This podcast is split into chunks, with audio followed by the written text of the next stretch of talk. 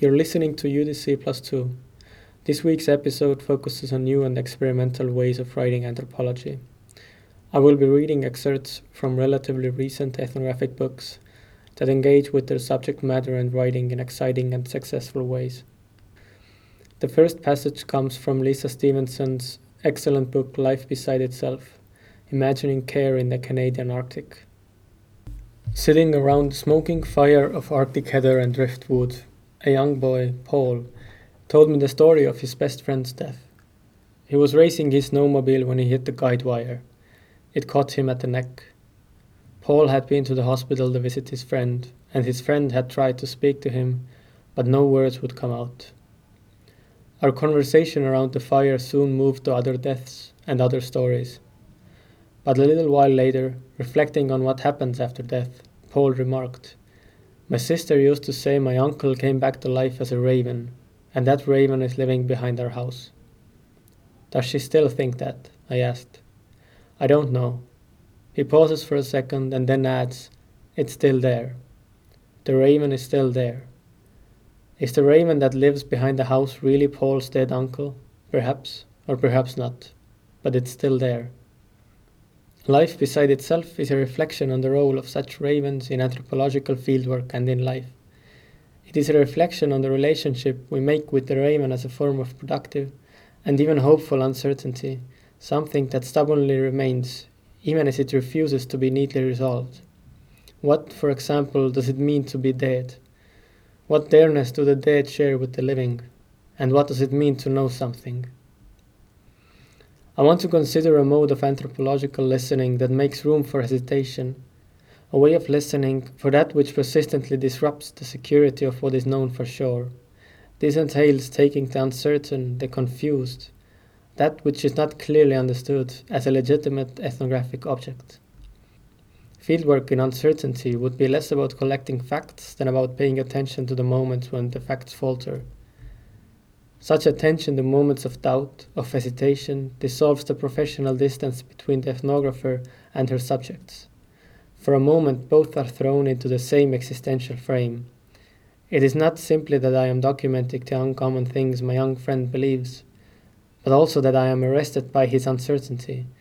I am arrested by his sense that he may never know for sure whether the raven is his dead uncle, and yet there is something about the raven's thereness that is important to him.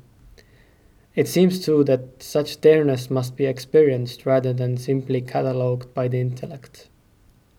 It also seems that uncertainty, like pain, requires not resolution but acknowledgement, and thus implicates me as an anthropologist in a mutual project of describing the world beset by uncertainty. Anthropology, as an act of listening for what is, what has been, or what will be, regardless of whether it makes sense, blurs any easy distinction between the epistemological and the ontological, the methodological and the ethical. It becomes a practice of the self in which, in the interest of making common cause with others, we allow ourselves to be shaken, displaced from our customary dispositions and beliefs, and even from our customary forms of love. We could say that the mode of this book is an attention to uncertainty, hesitation, and undecidability with regard to question of life, and death. I don't know, but it's still there. Do we really know what it means to be alive or dead in the same way we know a fact like the date of someone's death?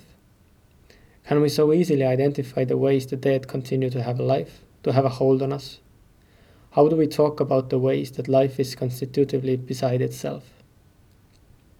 Fieldwork in anthropology often occurs in the shadow of discursive certainties, ways of knowing and acting in the world that keep doubt or uncertainty from emerging. Such fixity works to prevent any transfiguring encounter from taking place. We already know who we are and what we came to find out. Ethnography, as I have come to practice it, entails being attentive to, even opening oneself to, those moments when the facts falter and when things and selves become, even just slightly, unhinged. Life is beside itself.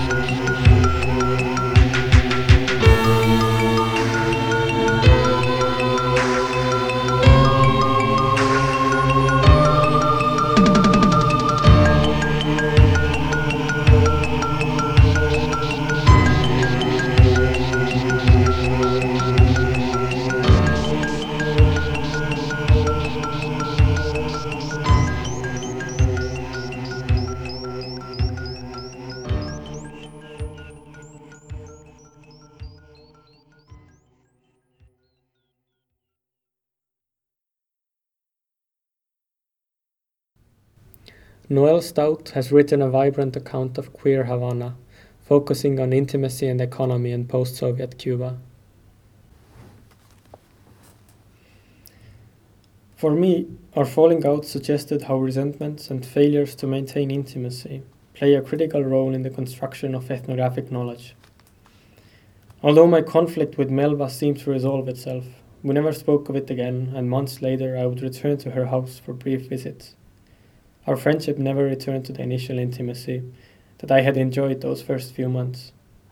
I often thought about her accusations of betrayal as an attack on the two faced nature of ethnographic fieldwork what Zora Neale Hurston described as the spyglass of anthropology, which enables us to observe but also implicates us in acts of surveillance. I took comfort in Aihwa Ong's notion, however, that anthropologists can also betray their collaborators if we refuse to represent their voices, which often insist on being heard. Most important, my own inability to maintain the same level of integration with Melba that I created with urban gay households suggested that my movements and relationships, and hence perspective, were subject to very real social boundaries.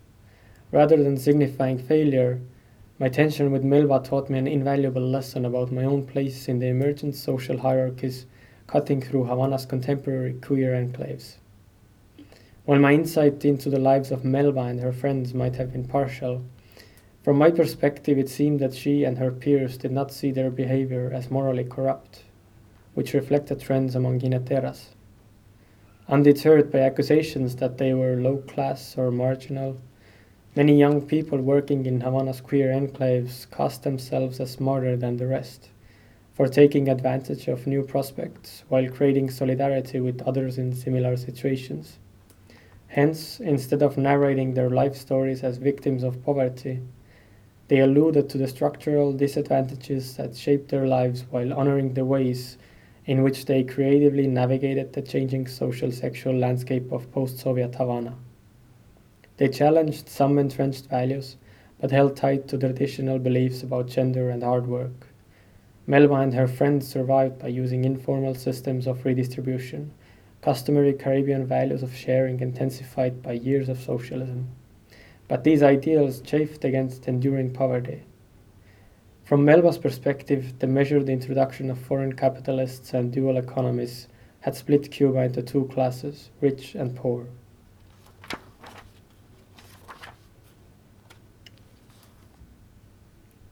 Anthropologists often go to great lengths to distinguish themselves from tourists, citing the duration of their trips and our erudite approach to the politics, history, and culture of the field site. During my time in Cuba, however, I often found myself in a similar role to that of foreign gay tourists. Although my relationships with sex workers were platonic, the long term patronage ties I established mirrored the bonds between hustlers and foreign gay clients. In place of sexual intimacy, hustlers offered me access to their daily lives. My exchange of gifts and money for friendship reflected common practices of ethnographic fieldwork, but surprisingly, this dynamic was often reversed in my relationships with older, wealthy gay male tourists. As a young female graduate student from a working class background, I enjoyed privileges denied to Cubans, but ranked in a lower socioeconomic standing than the majority of gay male tourists with whom I spent time. Ironically, as the recipient of the friendship, gifts, and social connections of uh, wealthy foreigners, I was often aligned with Cubans. One experience stands out in my mind as emblematic of this dynamic. I had met Cole on the Malecon. He was a 51 year old, handsome white Jewish fashion designer originally from South Africa who was now living in Beverly Hills. After spending two weeks as part of his entourage, we had become best girlfriends, as he described it. After months suffering through power outages, food shortages, and homesickness, I accepted his invitation to share his room at the Hotel Nacional. He invited me to take a bath, relax in his fluffy bathrobe and Prada slippers, and gossip about his Cuban boyfriends as we drifted off to sleep. The line between research and friendship had collapsed. The next morning, Cole and I met with his four gay male travel buddies in the lobby as the porter loaded their Louis Vuitton luggage into a black Mercedes to head to the airport. I stood awkwardly by the side of the car, about to be left behind, after having spent two weeks squished beside Cole's friends and handsome young Cuban hustlers, as we were chauffeured from the beach to salsa competitions and high end restaurants around Havana. As the car sped down the long palm lined driveway of the Hotel Nacional, the four Cuban boyfriends began walking down the driveway without me. As I called to them, they turned and laughed. We thought you were leaving with them, one young hustler said. No more Mercedes, right? Alongside the young men, I carried my plastic bag of clothing, gifts, and designer toiletries as we walked back to Centro Havana.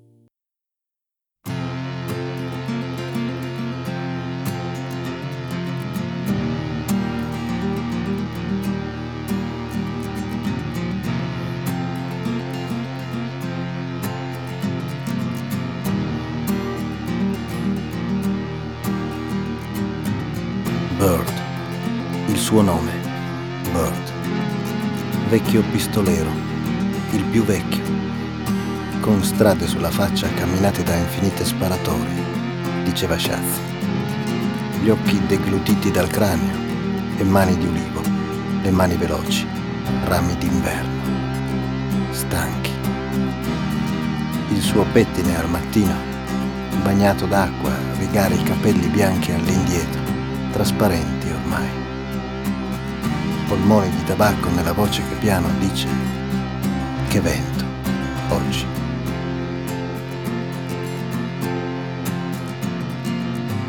Niente di peggio che non morire per un pistolero.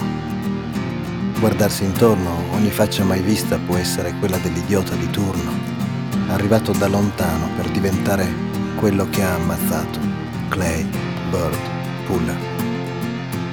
Se vuoi sapere quando si diventa un mito, allora ascolta. E quando ti ritrovi a duellare sempre di schiena, finché ti vengono incontro da davanti, sei solo un pistolero. La gloria è una scia di merda, dietro la schiena. Sbrigati, coglione, gli dissi senza nemmeno voltarmi. Il ragazzetto aveva un cappello nero e in tasca qualche stronzata che era il ricordo di un odio lontano e la promessa di una qualche vendetta. Troppo tardi, coglione. Con queste strade sulla faccia, vecchiaia vigliacca, a pisciarmi addosso la notte, il male bastardo sotto il cinturone, come una pietra rovente tra la pancia e il culo. Non viene mai giorno, e quando viene è un deserto di tempo vuoto da attraversare, come sono arrivato qui, io come sparava Bird. Teneva le fondine al contrario, con il calcio della pistola che usciva in avanti. Estraeva a braccia incrociate lui, la pistola destra nella mano sinistra e viceversa. Così, quando ti veniva incontro, le mani a sfiorare le pistole, sembrava una specie di condannato, qualcosa come un prigioniero che stesse andando al patibolo, con le braccia legate davanti. Un istante dopo era un uccello rapace che apriva le ali, una frustata nell'aria e il geometrico volo di due pallottole. Bird.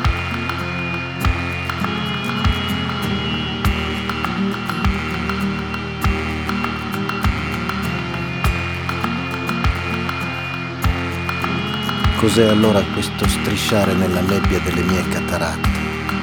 Costretto a contare le ore, io che conoscevo gli istanti, ed era l'unico tempo che esisteva per me. Ci ho vissuto eternità, dove gli altri vedevano attimi, lo scarto di una pupilla, le nocche sbiancate intorno a un bicchiere, uno sperone nel fianco del cavallo, l'ombra di un'ombra sul muro blu. Per loro era come un flash, ciò che per me era una mappa, una stella dove io vedevo cieli. Io pensavo dentro pieghe del tempo, quando per loro erano già un ricordo. Non c'è altro modo, mi avevano insegnato, per vedere la morte prima che arrivi. Cos'è allora questo strisciare nella nebbia delle mie cataratte, costretto a spiare le carte degli altri? Mendicando battute dalla mia sedia sempre quella, in seconda fila. La sera a tirare sassi ai cani in tasca soldi da vecchio che le puttane non vogliono. li prenderà un mariachi quando verrà. Che sia triste e lunga la tua canzone. Voglio ballare questa notte fino al tramonto.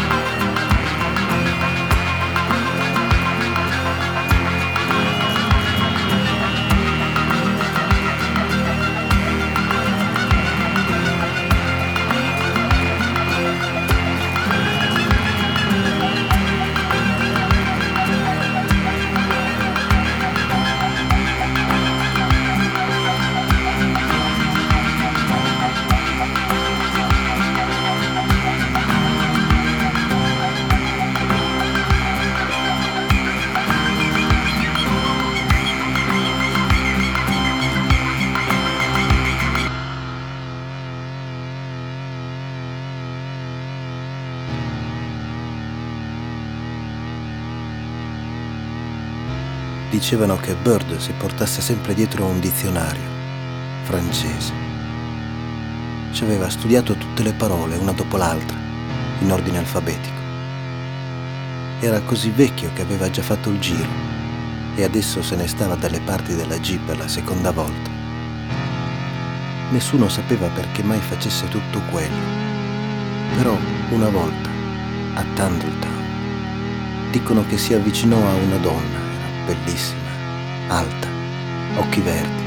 C'era da chiedersi come fosse finita lì. Lui le si avvicinò e le disse Enchanté. Clay, Bird, Puller. Morirai in un modo bellissimo, diceva Chef. Gliel'ho promesso. Morirai in un modo bellissimo.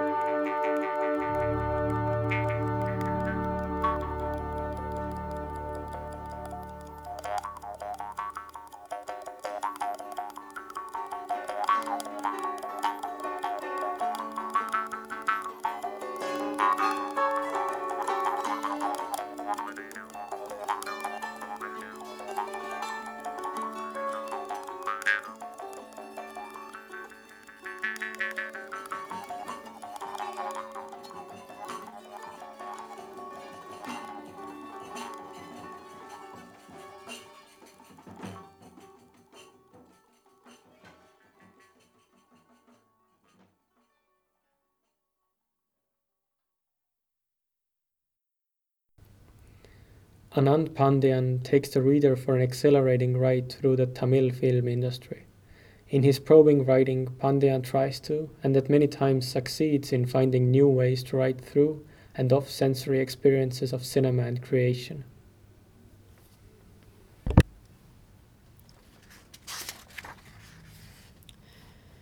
What does a sound typically lead us to ask about space? Michel Chion writes. Not where is it, for sound is in the air we breathe, or if you will, as a perception it's in our head, but rather, where does it come from?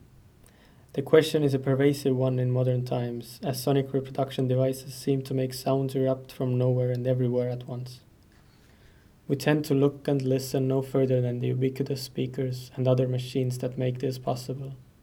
Still, the question remains persistent and unsettling as sounds drift ever farther from their apparent sources, both physical and natural.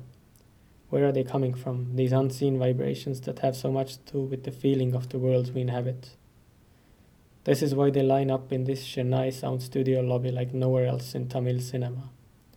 Directors, famous, aloof, and elusive, sitting side by side, sometimes even for hours on end, waiting for the young composer to surface from behind his heavy recording studio door.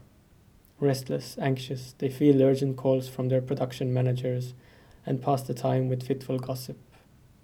Inside, for all they know, he could be joking around with his engineers, browsing online for a stylish new phone, or pulling together one of their tracks. It doesn't matter, they have to accept that he can't be rushed. They take his work as a matter of divination. He can hear things in their images and stories which they can't place themselves. Sounds they've heard but cannot identify, others they hope still to hear. Sound, music give life, one of these directors says to me with a reverent look in his eyes. We take the camera through the darkness. There, dang, ta dang. That sound gives fear. A piano early in the morning, when the birds sing, it gives happiness, the flowering of that morning. Music can give happiness and fear. Music can bring surprise and summon tears.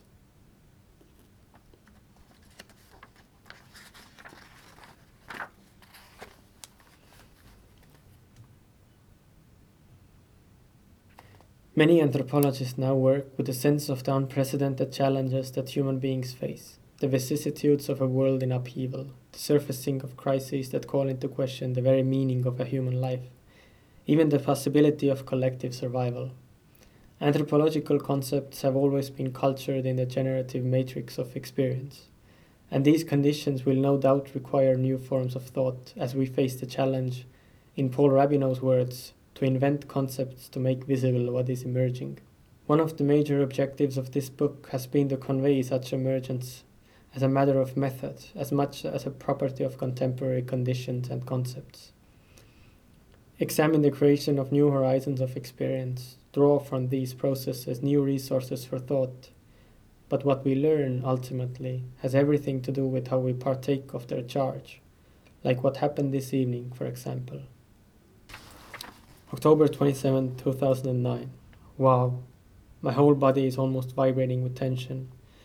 I'm on my way back now from Ameer's office, where I've just explained to his manager Mahesh that all I need at this point is to capture the moment once or twice in which these two, Ameer and Yuvan, worked together on Ameer's film Yogi. I shared with him the analogy of the lesson that had hit me powerfully last night. That this was not the kind of fieldwork in which one just stayed with people for however long. This was more like wildlife photography, where one waited and waited for hours on end to capture a sudden glimpse of something exotic and beautiful, I think Mahesh understands this, and he has promised to talk with Ameer and to help. Meanwhile, yesterday was a nightmare in terms of all of this, as I could hardly catch Yuvan's manager Karthik on the phone for more than a few seconds at a time. Mahesh too was difficult to reach, and I was just home and on the toilet in fact at 6.30 when he called and said, You can go now. Ameer is on his way and will be there in half an hour. So I rushed out, packing a PB sandwich and knowing full well that Sanchita would be angry. Going by auto because the driver was already on his way home, only to arrive at Kalasa studio to find them all hanging out in the hall, discussing their show in Dubai, and Karthik calling Ameer to find that he was in a meeting and would not be coming at all. In fact, I learned from Mahesh that Ameer did go for half an hour or so, at around 9 that night. He had been with his editor, and that had kept going. As Mahesh put it, trying to rationalize why he himself could not say what Ameer would do, they themselves won't know what they will be doing. Again, that open ended time of emergence coming to bite me in the ass. Lesson learned here. Emergence is great to encounter, but terrible to wait for, and therefore a Janus faced thing to write about.